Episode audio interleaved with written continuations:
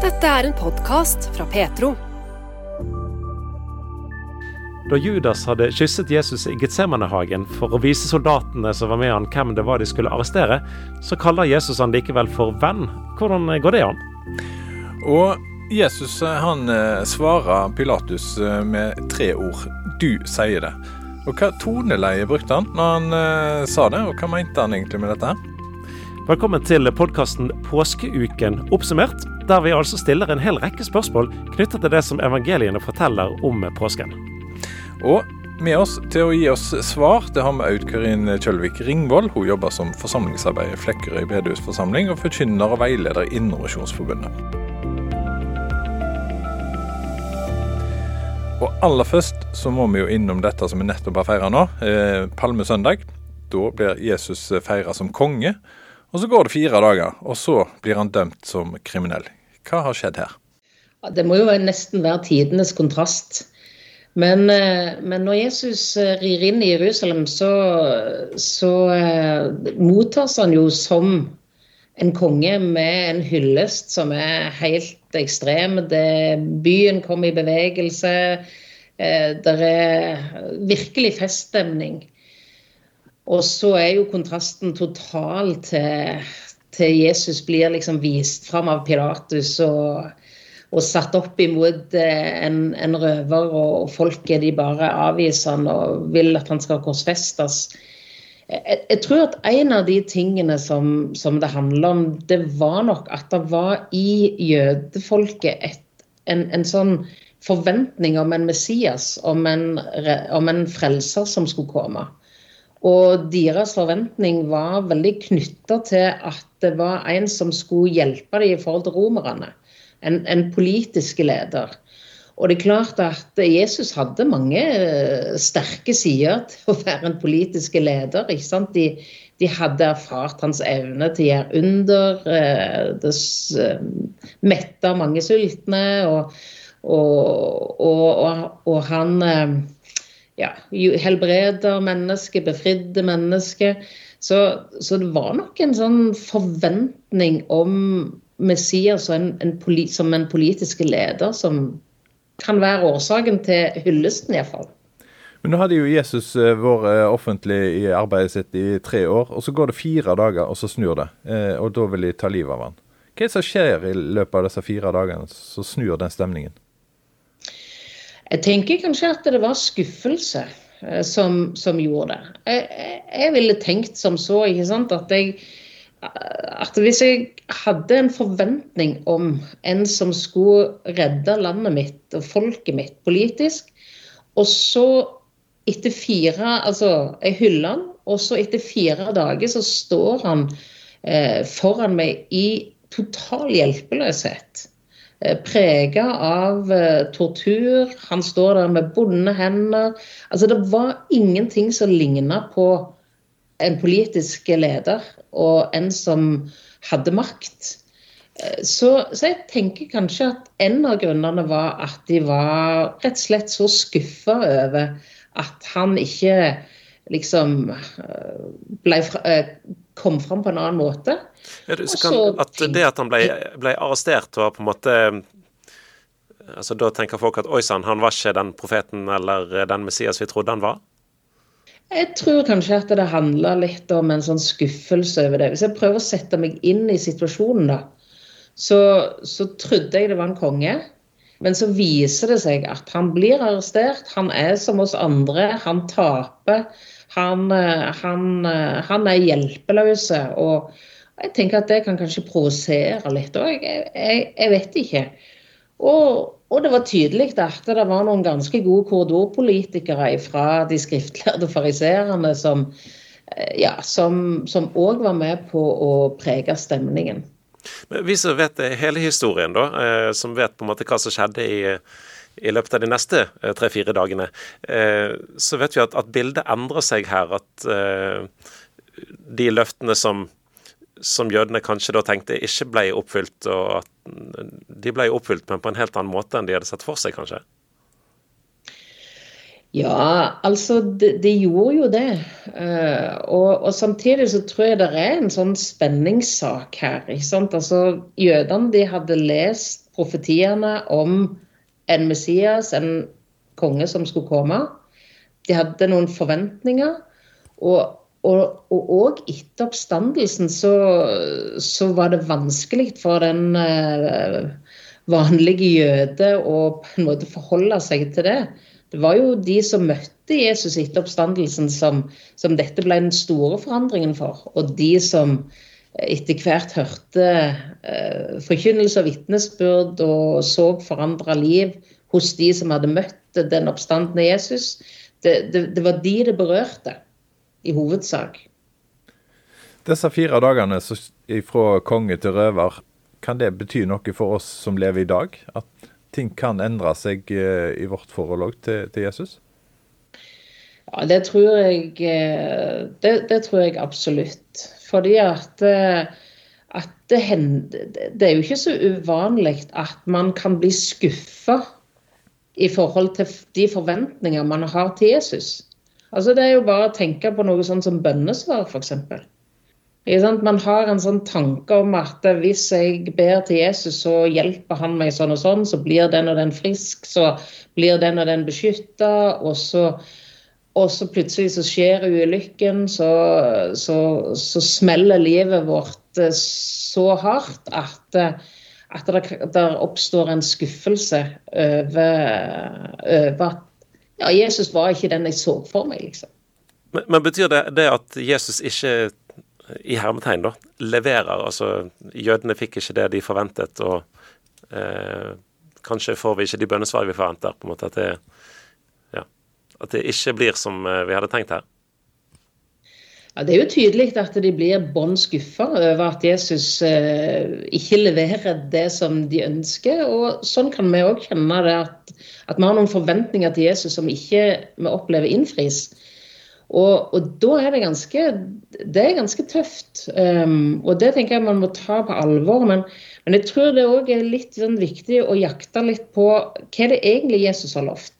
Hva er det egentlig han han sier at han er og vil være. Altså, det sto jo i Det gamle testamentet at det var en lidende tjener. Det var en som skulle dø. Og jeg tenker at eh, for, I forhold til oss så er det jo sånn at, at Jesus han, han, lover å være med oss med alt. Men, men, eh, men, han lover ikke at man skal bli spart ifra alt. Altså Livet er livet, og, og det rammer oss. Og, og det og der er det mange ting vi, vi ikke forstår. Og, så, så, der må vi på en måte bare, bare hjelpe hverandre når skuffelsen på en måte skyller inn over livet. Og være ærlige på det og sette ord på det.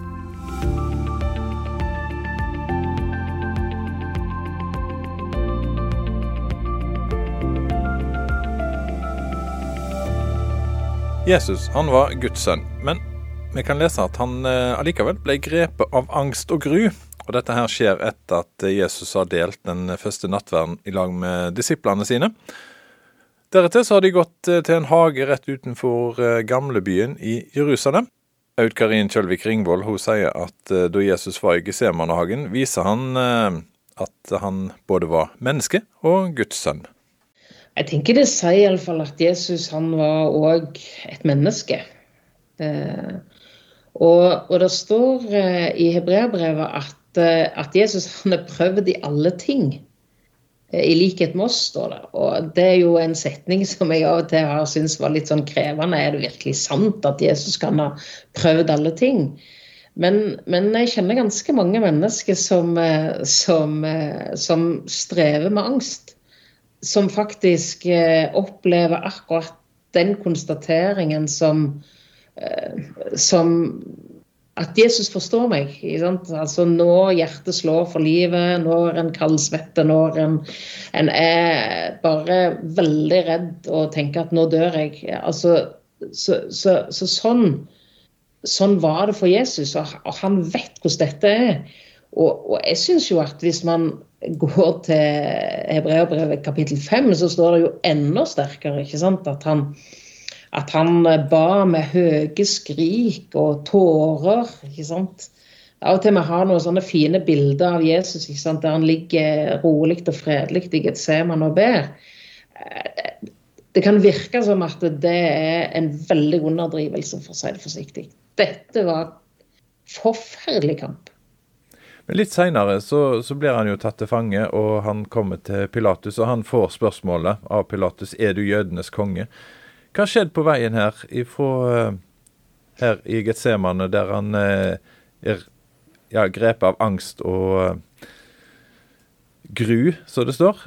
og så, litt seinere, så, så, er han både Guds sønn og, og, og Israels sin konge. Mm. Ja, det, det kan virke som at det er en slåsskamp i Jesu indre som er over. Eh, for, eh, for eh, kampen virker det som er knytta til Er det en annen mulighet, Gud? Er det en annen mulighet for å frelse mennesket enn den veien som vi har tenkt ut? Kan denne liksom oppgaven gå meg forbi, eller er nødt for å gjøre det, og så skjer din vilje. Altså, det, det, er en, det er en mental, åndelig kamp som skjer i, i Getsemanehagen som, ja, som, er, som, som, jeg tror var selve på en måte Jesu mentale si, overgivelse, eller åndelige overgivelse til, til det som var Guds oppdrag for ham. Det er akkurat som at måten han står fram på når han kommer til disiplene da den siste gangen de ligger og sover, så han står opp, la oss gå, nå, nå er det på en måte klart. Eh, så, så den store sånn, eh, kampen eh, for Jesus virker det som ble, ble, ble gjennomført i Getsemanehagen i denne bønnekampen med Gud. Det er jo litt artig, eller artig er kanskje feil ord, men det er en litt fascinerende historie òg i Getsemanehagen når, når Jesus ber. og mens disiplene de sovner, så det er tydelig at de gjerne ikke helt eh, får med seg dramatikken her. Nei, det er ganske fascinerende. Altså, de sover. Det er jo kanskje ikke så rart midt på natta, eh, men det kan jo òg være fordi at det ble litt mye for dem. For det er klart at eh, det må jo ha vært ganske sånn sterke følelser og mange av oss blir jo trøtte når ting blir for mye for oss. Eh, og så syns jeg det er fascinerende òg at eh, Jeg husker eh, historien om når Jesus sov i båten. ikke sant? Når disiplene var helt overbevist om at nå dør vi. ikke sant? Og så er situasjonen motsatt i, i hagen. Da er det Jesus som våker og kjemper, og de sover. Så, så, det kan godt være at vi mennesker ikke helt skjønner hva som, eh, hva som er viktigst, eller hva som på en måte er den reelle situasjonen. Eh, det kan iallfall virke sånn, da. Men, eh, men, de sover, og kanskje kan det være noe som Gud sparer de for òg, rett og slett. At, at de, de sover litt for å slippe å få med seg den ekstreme kampen som, som Jesus var i. Kan jeg si en ting til? Ja. ja nei, for det som eh, Ved noen ganske få anledninger så ser vi at Jesus får besøk hjemmefra, sånn i gåseøyne fra himmelen.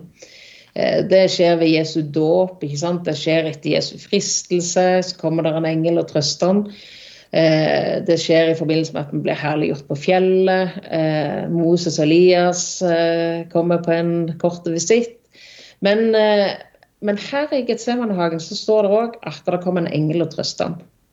Eh, det er akkurat som at når kampen er over, så, så, så, så, er det en trøst. Så er det et eller annet som bekreftes, og som lindres, og som istandsettes på en måte for siste etappe. Og, og jeg syns det er fint at, at, um, at, Jesus midt i sin menneskelighet òg opptrer som den som trenger trøst og lar seg trøste. Men, men, det kan kanskje rokke ved altså, Når du tenker den allmektige Gud, og det passer liksom ikke helt inn i et hvilket som helst gudsbilde, da? Nei, men da kan en spørre, ikke sant. Altså, trenger man å justere bildet av Jesus, eller uh, trenger man å justere sine egne forestillinger, eller uh, Jeg tenker iallfall det, det er noen spennende spor her som, uh, som jeg opplever at Bibelen viser i forhold til den Jesus er.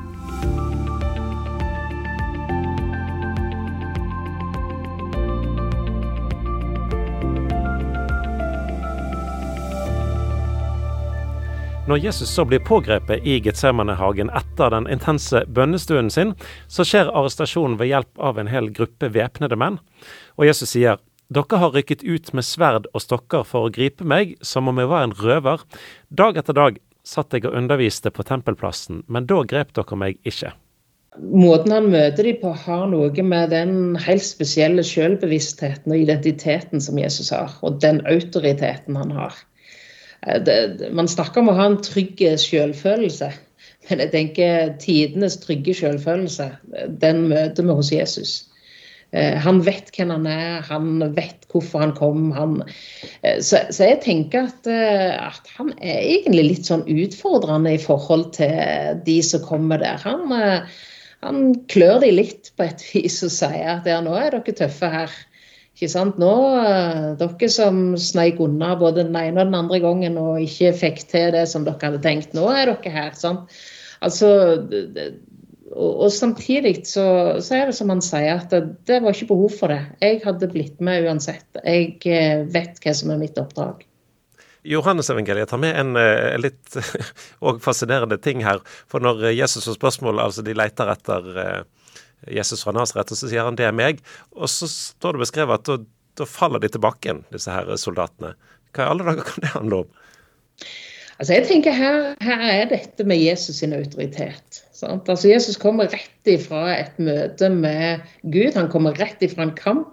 Og jeg tipper at det preger hele atmosfæren rundt Jesus.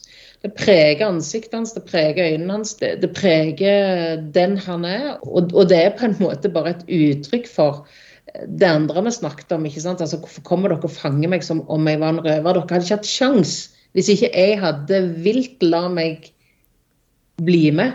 Så, så hadde jeg gått.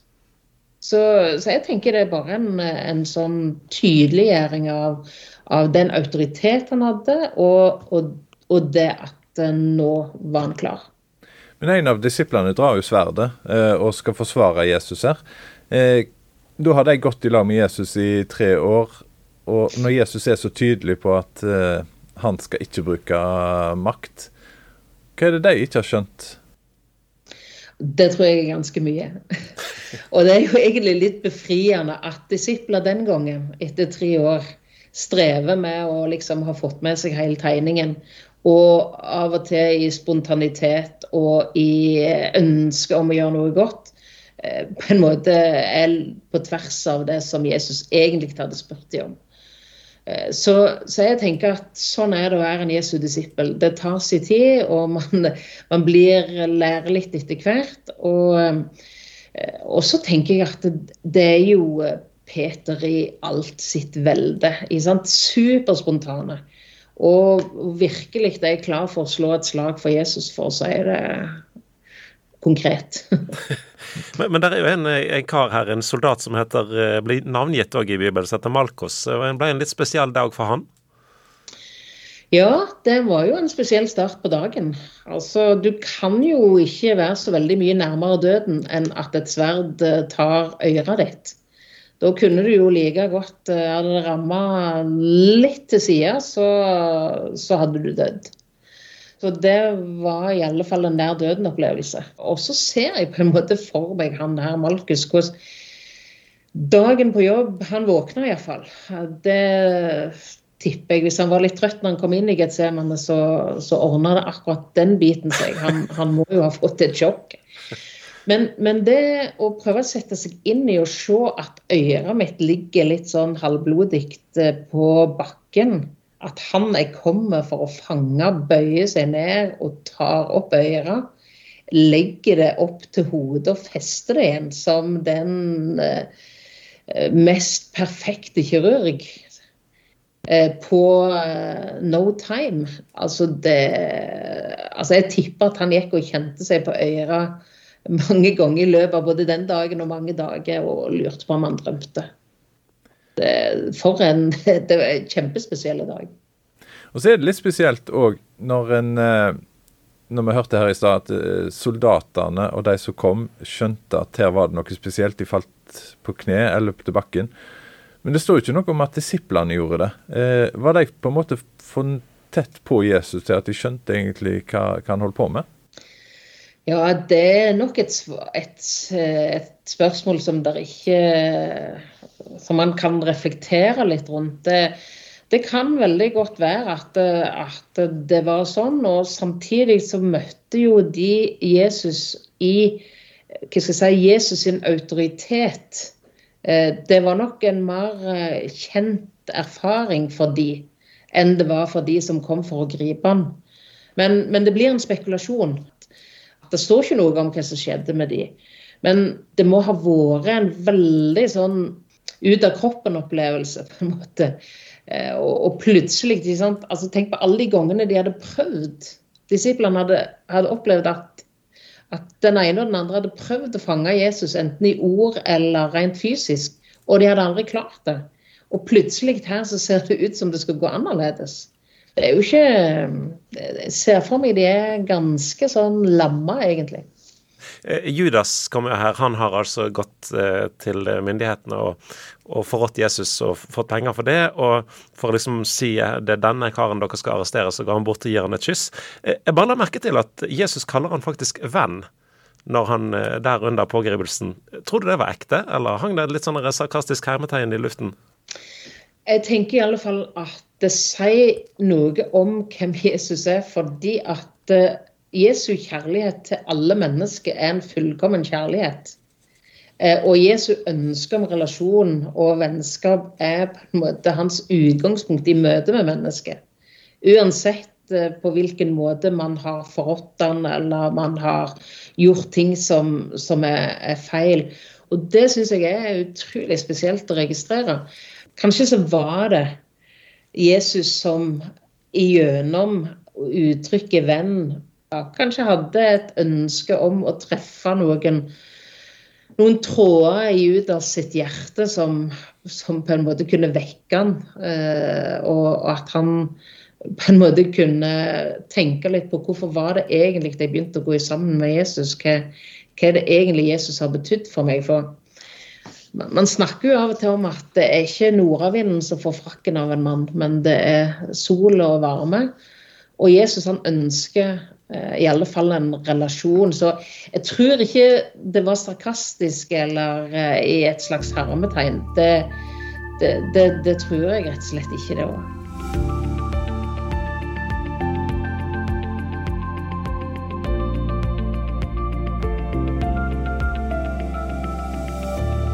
Jesus kommer etter hvert til avhør hos Pontius Pilatus. Er du jødenes konge, spør han.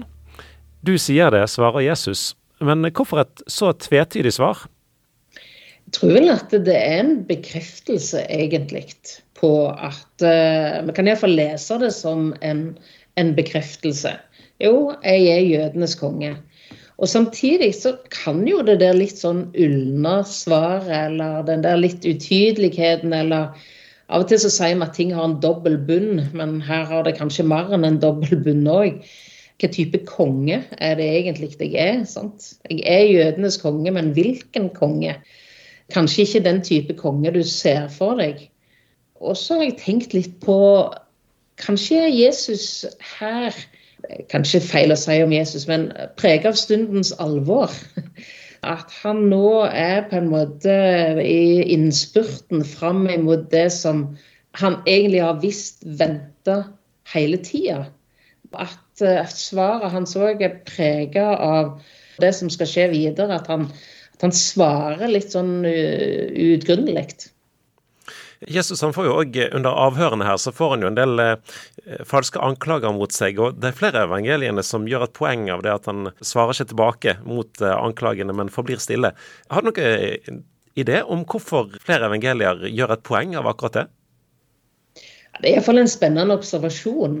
Eh, fordi at eh, jeg, jeg, tror jo det at de fleste som er anklaga og falskt anklaga, de gjør det de kan for å enten sjøl sette ord på sin eh, skyldfrihet, eller at de får eh, så dyr advokat som de kan til å sette ord på sin skyldfrihet.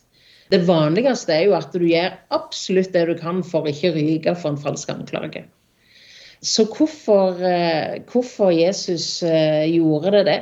Jeg har tenkt på to ting. Altså Det ene det er jo at det var en av profetiene fra Det gamle testamentet. Fra bl.a. Jesaja i kapittel 54. Der står det om at, at han opplot ikke sin munn. Han, han, han, sa ikke imot når det at han ble ført fram imot død. Det andre det er jo at det, det var jo en dobbelthet hos Jesus, ser jeg for meg. For på den ene sida så var han sjøl skyldfri. Men, men, jeg tror vi er i kontakt med noe av det som er selve påsken sitt sånn dype innhold. Nemlig at det som han gjør, det gjør han i plassen for andre. Altså i stedet for andre. De anklagene som kom imot Jesus, de på en måte passer på oss. Og hele hans offentlige gjerning ble innledet med at se, der er Guds lam som bærer verdens synd. Sant? Og da tenker jeg at eh, han står der ikke fordi at han sjøl hadde gjort det, men fordi jeg hadde gjort det. Og så er det på en måte litt av den der dype, dype eh, innholdet i påsken. Det der, dette mysteriet, egentlig. At han rammes i andre sin plass, i vår plass. I måten han, han svarer på, f.eks. når han får spørsmålet om han er jødenes konge, sånn, det er jo nesten så du kan lure på om han er litt uklar med vilje. La det være rom for tolkning, på en måte. Ja, kanskje det. Og, og, det er jo så fascinerende med Jesus. Du, du klarer liksom aldri fange han helt på en måte i, i, å forstå han og være sikker på at man forstår alt han egentlig mener. For han er alltid større. Men jeg tror òg at det, er ei sånn side ved Jesus som man ikke så ofte snakker om, nemlig den der utrolig trygge identiteten Jesus hadde som, eh, som den han var, som Guds sønn, som med det oppdraget han hadde. Han, han har en sånn en autoritet eh, som han ikke har behov for å slå hånda i bordet eller eh, sette foten i bakken. men men han har en autoritet i en trygghet på den han er, som gjør at han, han har ikke de samme behovene for argumentasjon og, og de tingene som vi mennesker vanligvis kjenner behov for. Nå hadde jo jødene venta på en, eh, en, konge, en frelser, i, i mange hundre år. Hele Gamle testamentet er jo uh, mye om dette. her. Og så svarer Jesus når han får spørsmålet er du jødenes konge. Så ja, du sier det. Altså, Han svarer verken ja eller nei. Men, men det betyr vel òg at jødene har fått sin konge, da? At uh, kongen uh, ifra himmelen er kommet til jord? Ja, det kan du jo veldig godt si. Og jeg tenker jo at allerede ved Jesu fødsel, når vismennene kommer, så kommer de jo med gaver som en vanligvis kommer til kongesønnen. ikke sant? Og det var jo det de etterspurte. Så så jeg tenker jo at, at Jesus han har allerede kommet òg som konge. Men bare for å si det òg, Bjørn Steinar, så, så, tenker jeg at det kommer litt an på tonefallet som Jesus sier. ikke sant? Eh, du sier det, sant? Altså, du kan si en sånn setning bekreftende og si du sier det. Eller du kan si at du åpner det opp med at ja, ja, du sier det. sant? Altså, så, så det, jeg savner egentlig litt sånn tonefall. så her skulle altså Bibelen hatt mer tonefall på denne eh, ja, setningen? jeg syns egentlig. Ja. Nei, men det er iallfall en spennende måte Jesus svarer på. På enkelte ting, når man ser Jesus sine svar, så er Jesus krystallklare. På liksom de grunnleggende tingene som har med han å gjøre.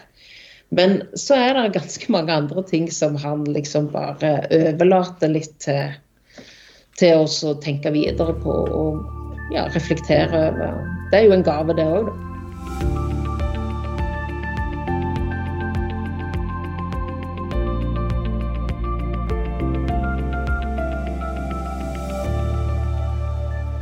Gravene de åpna seg, og kroppene til mange hellige som var sovna inn, ble reist opp. Etter Jesu oppstandelse gikk de ut av gravene og kom inn i den hellige byen, hvor de viste seg for mange. Dette det kan vi lese i Matteusevangeliet kapittel 27. På samme dag som Jesus blir drept på et kors, blir altså mange hellige som var døde, levende igjen. Hva er det som skjer her? Ja, det kan du si. Det må jo ha vært altså en rystelse i forbindelse med Jesu død som, som man ikke helt kan ane rekkevidden av, tror jeg. Eh, men, men jeg, jeg, tenker jo av og til at eh, Jesus kunne hatt behov for en pressesjef, eller en som, eh, som, som markedsførte historien omkring hans død og oppstandelse. Fordi at her ligger det jo altså stoff for sensasjon og for noe som kan understreke på en måte Jesu, Jesu død og, og oppstandelse. Men, men, det virker som at det, det, det, var jo en sensasjon, ikke sant. Det var jo noe som aldri hadde skjedd før. og dette var det mange øyenvitner til, kan det se ut som. Og, og, at det ikke blir et større fokus i både forkynnelse for de første kristne og, og, og, og så videre. At, og, og det man kan se videre i historien om påsken, så, så er det som at Jesus er ikke opptatt av liksom, det der med sensasjon. Han, akkurat som han demper det. Eh, det, det er, kan man bare undre seg over. Eh, men, eh, men, jeg tror at det var sånn.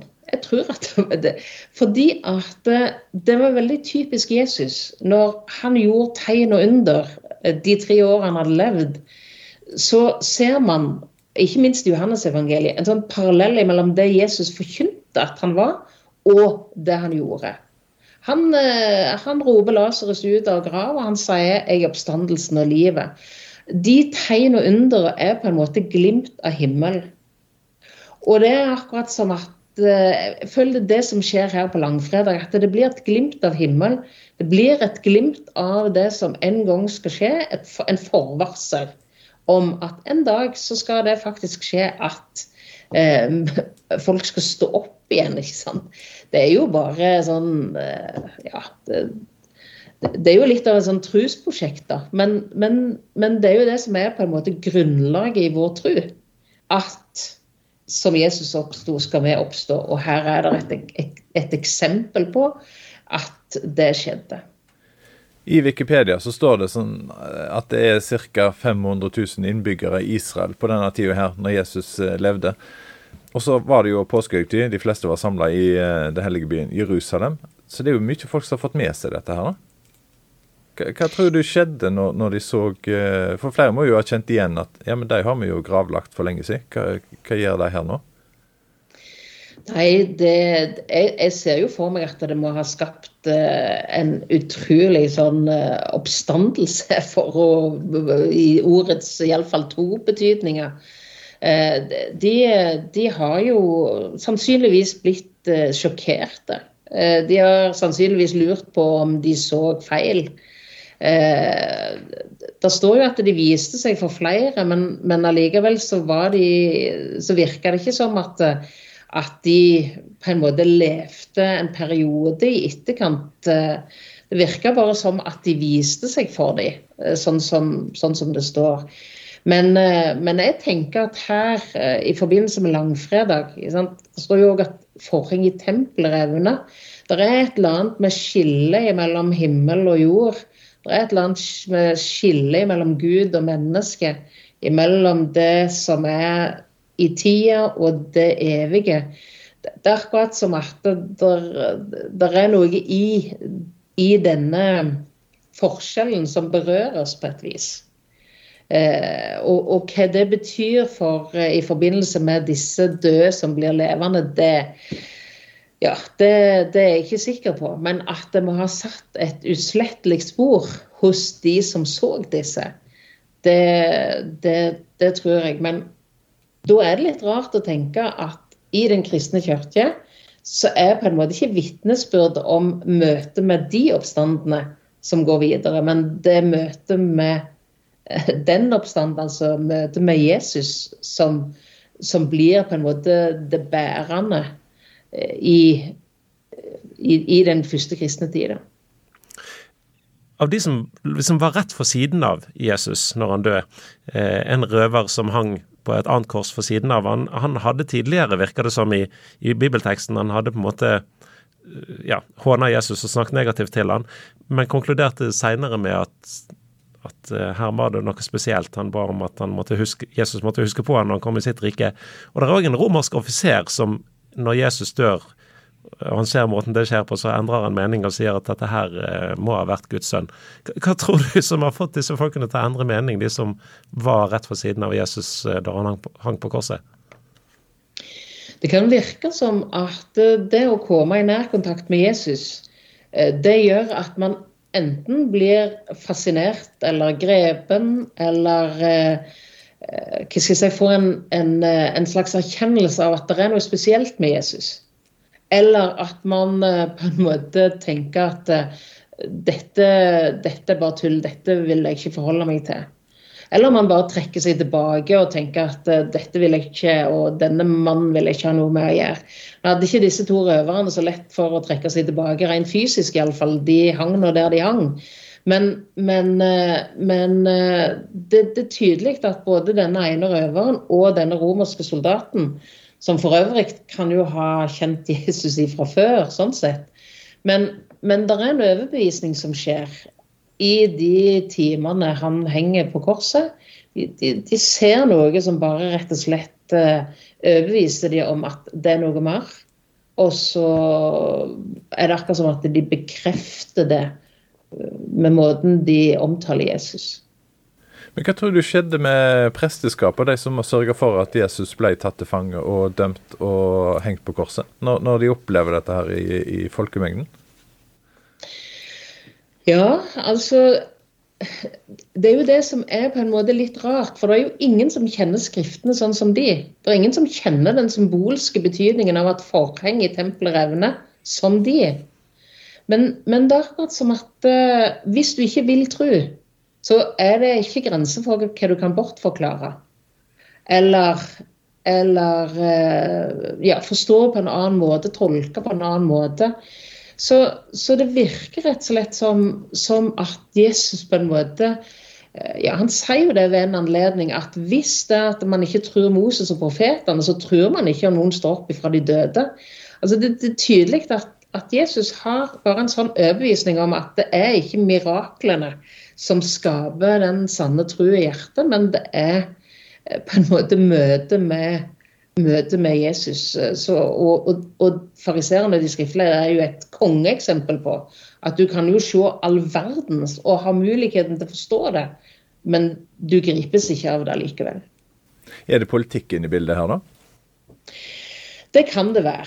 Eh, for eh, det er jo alltid sånn at de som sitter med makten, om det er i en organisasjon eller i et samfunn, eller eh, om det er Ja, vi kan overføre det mange plasser. At når makten trues, så, så, er det krevende for mange. Og jeg tenker jo at Jesus han, han hadde en makt, en autoritet, og hvis de skulle ta han på ordet, så ville det òg få konsekvenser for deres autoritet og status.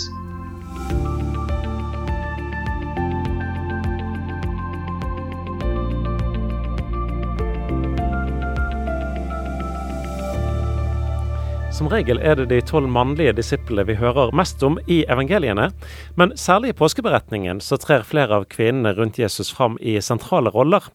Det var flere kvinner i Jesu følge enn eh, det som det står ofte om. Men det kan faktisk virke sånn at når det drar seg til, så er det en del av eh, kvinnene som faktisk tør seg helt inn til Jesu kors. Jesu mor, Maria Magdalena, ei kvinne til. Og de kvinnene står der til han dør. De følger med når han blir tatt ned av korset. Altså de, de, de, orker den lidelsen eh, som det påfører de å se en som de er så glad i, dø. Og de orker den eh, trusselen det egentlig er å bli så identifisert eh, med Jesus og være en Jesu venn som de tør. Så, eller som, som de utsetter seg for. Så jeg syns jo at Eh, det er bare å ta av seg alle hatter og skaut og eh, hva man måtte ha, eh, i ærbødighet for den trufasthet og kjærlighet de viser. Men de var der allerede når Jesus skulle bli gravlagt, og de satt der etter at han var gravlagt og venta, eller var utenfor grava hans.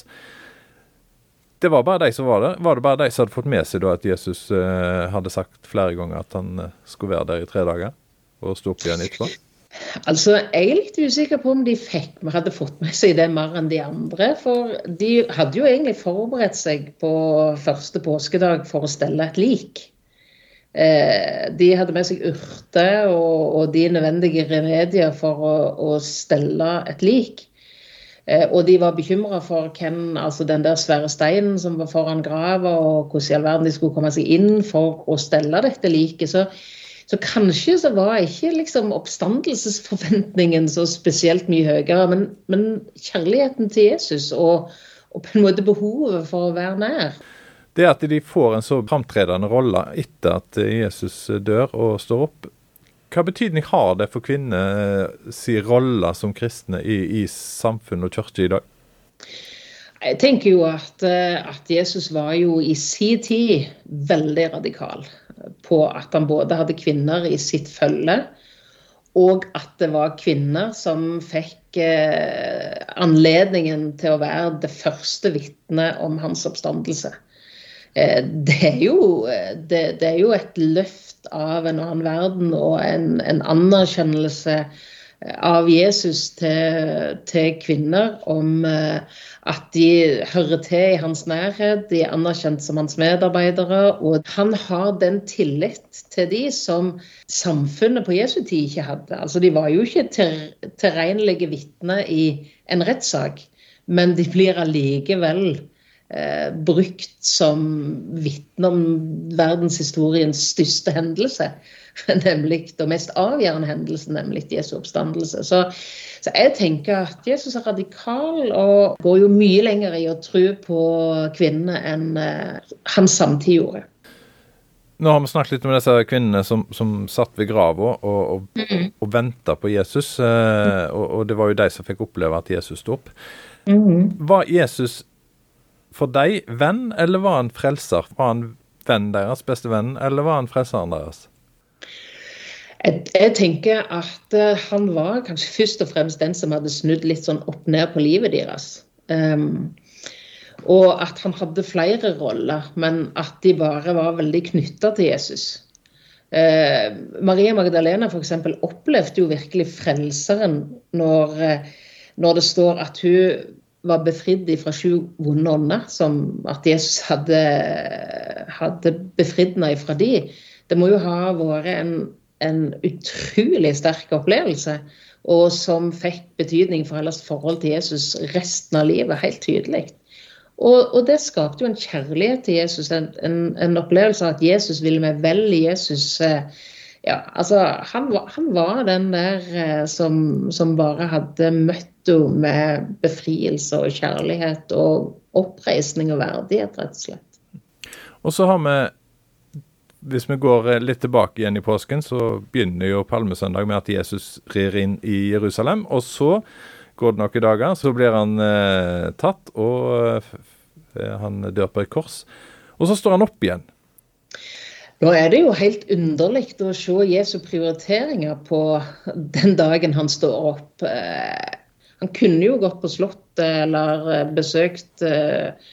Pilatus han kunne jo tatt seg en tur gjennom gatene i Jerusalem sjøl. Mm.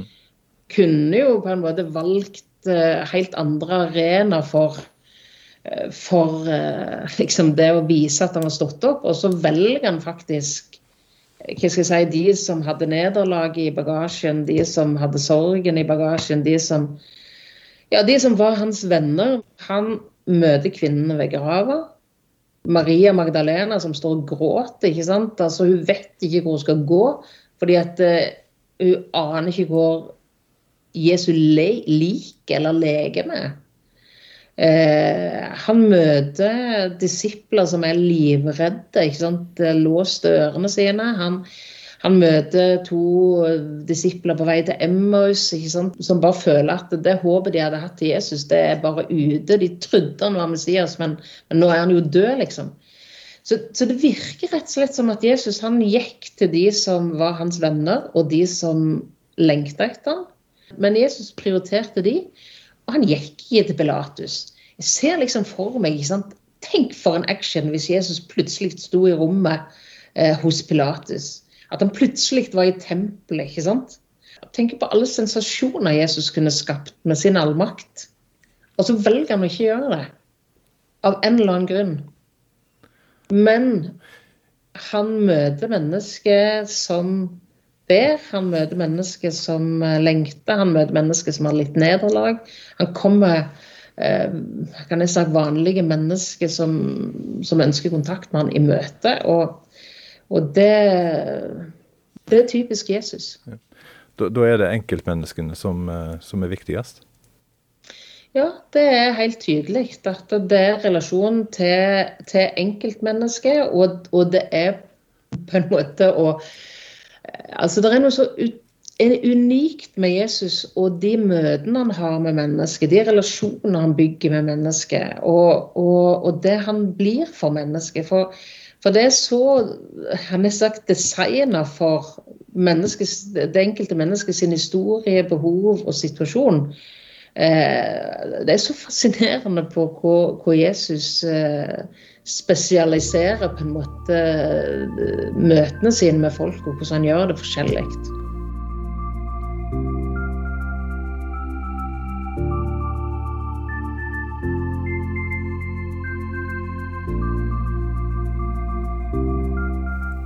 Og Det var det altså Aud Karin Sjølvik Ringvold som sa. Og Hun jobber som eh, forsamlingsarbeider i Flekkerøy bedehusforsamling, og er òg forkynner og veileder i Indremisjonsforbundet. Og Dermed så er det tid for å runde av denne spesialutgaven av eh, Petro-uken oppsummert, som vi altså har kalt Påskeuken oppsummert. Og da er det vel bare for oss å si riktig god påske. God påske.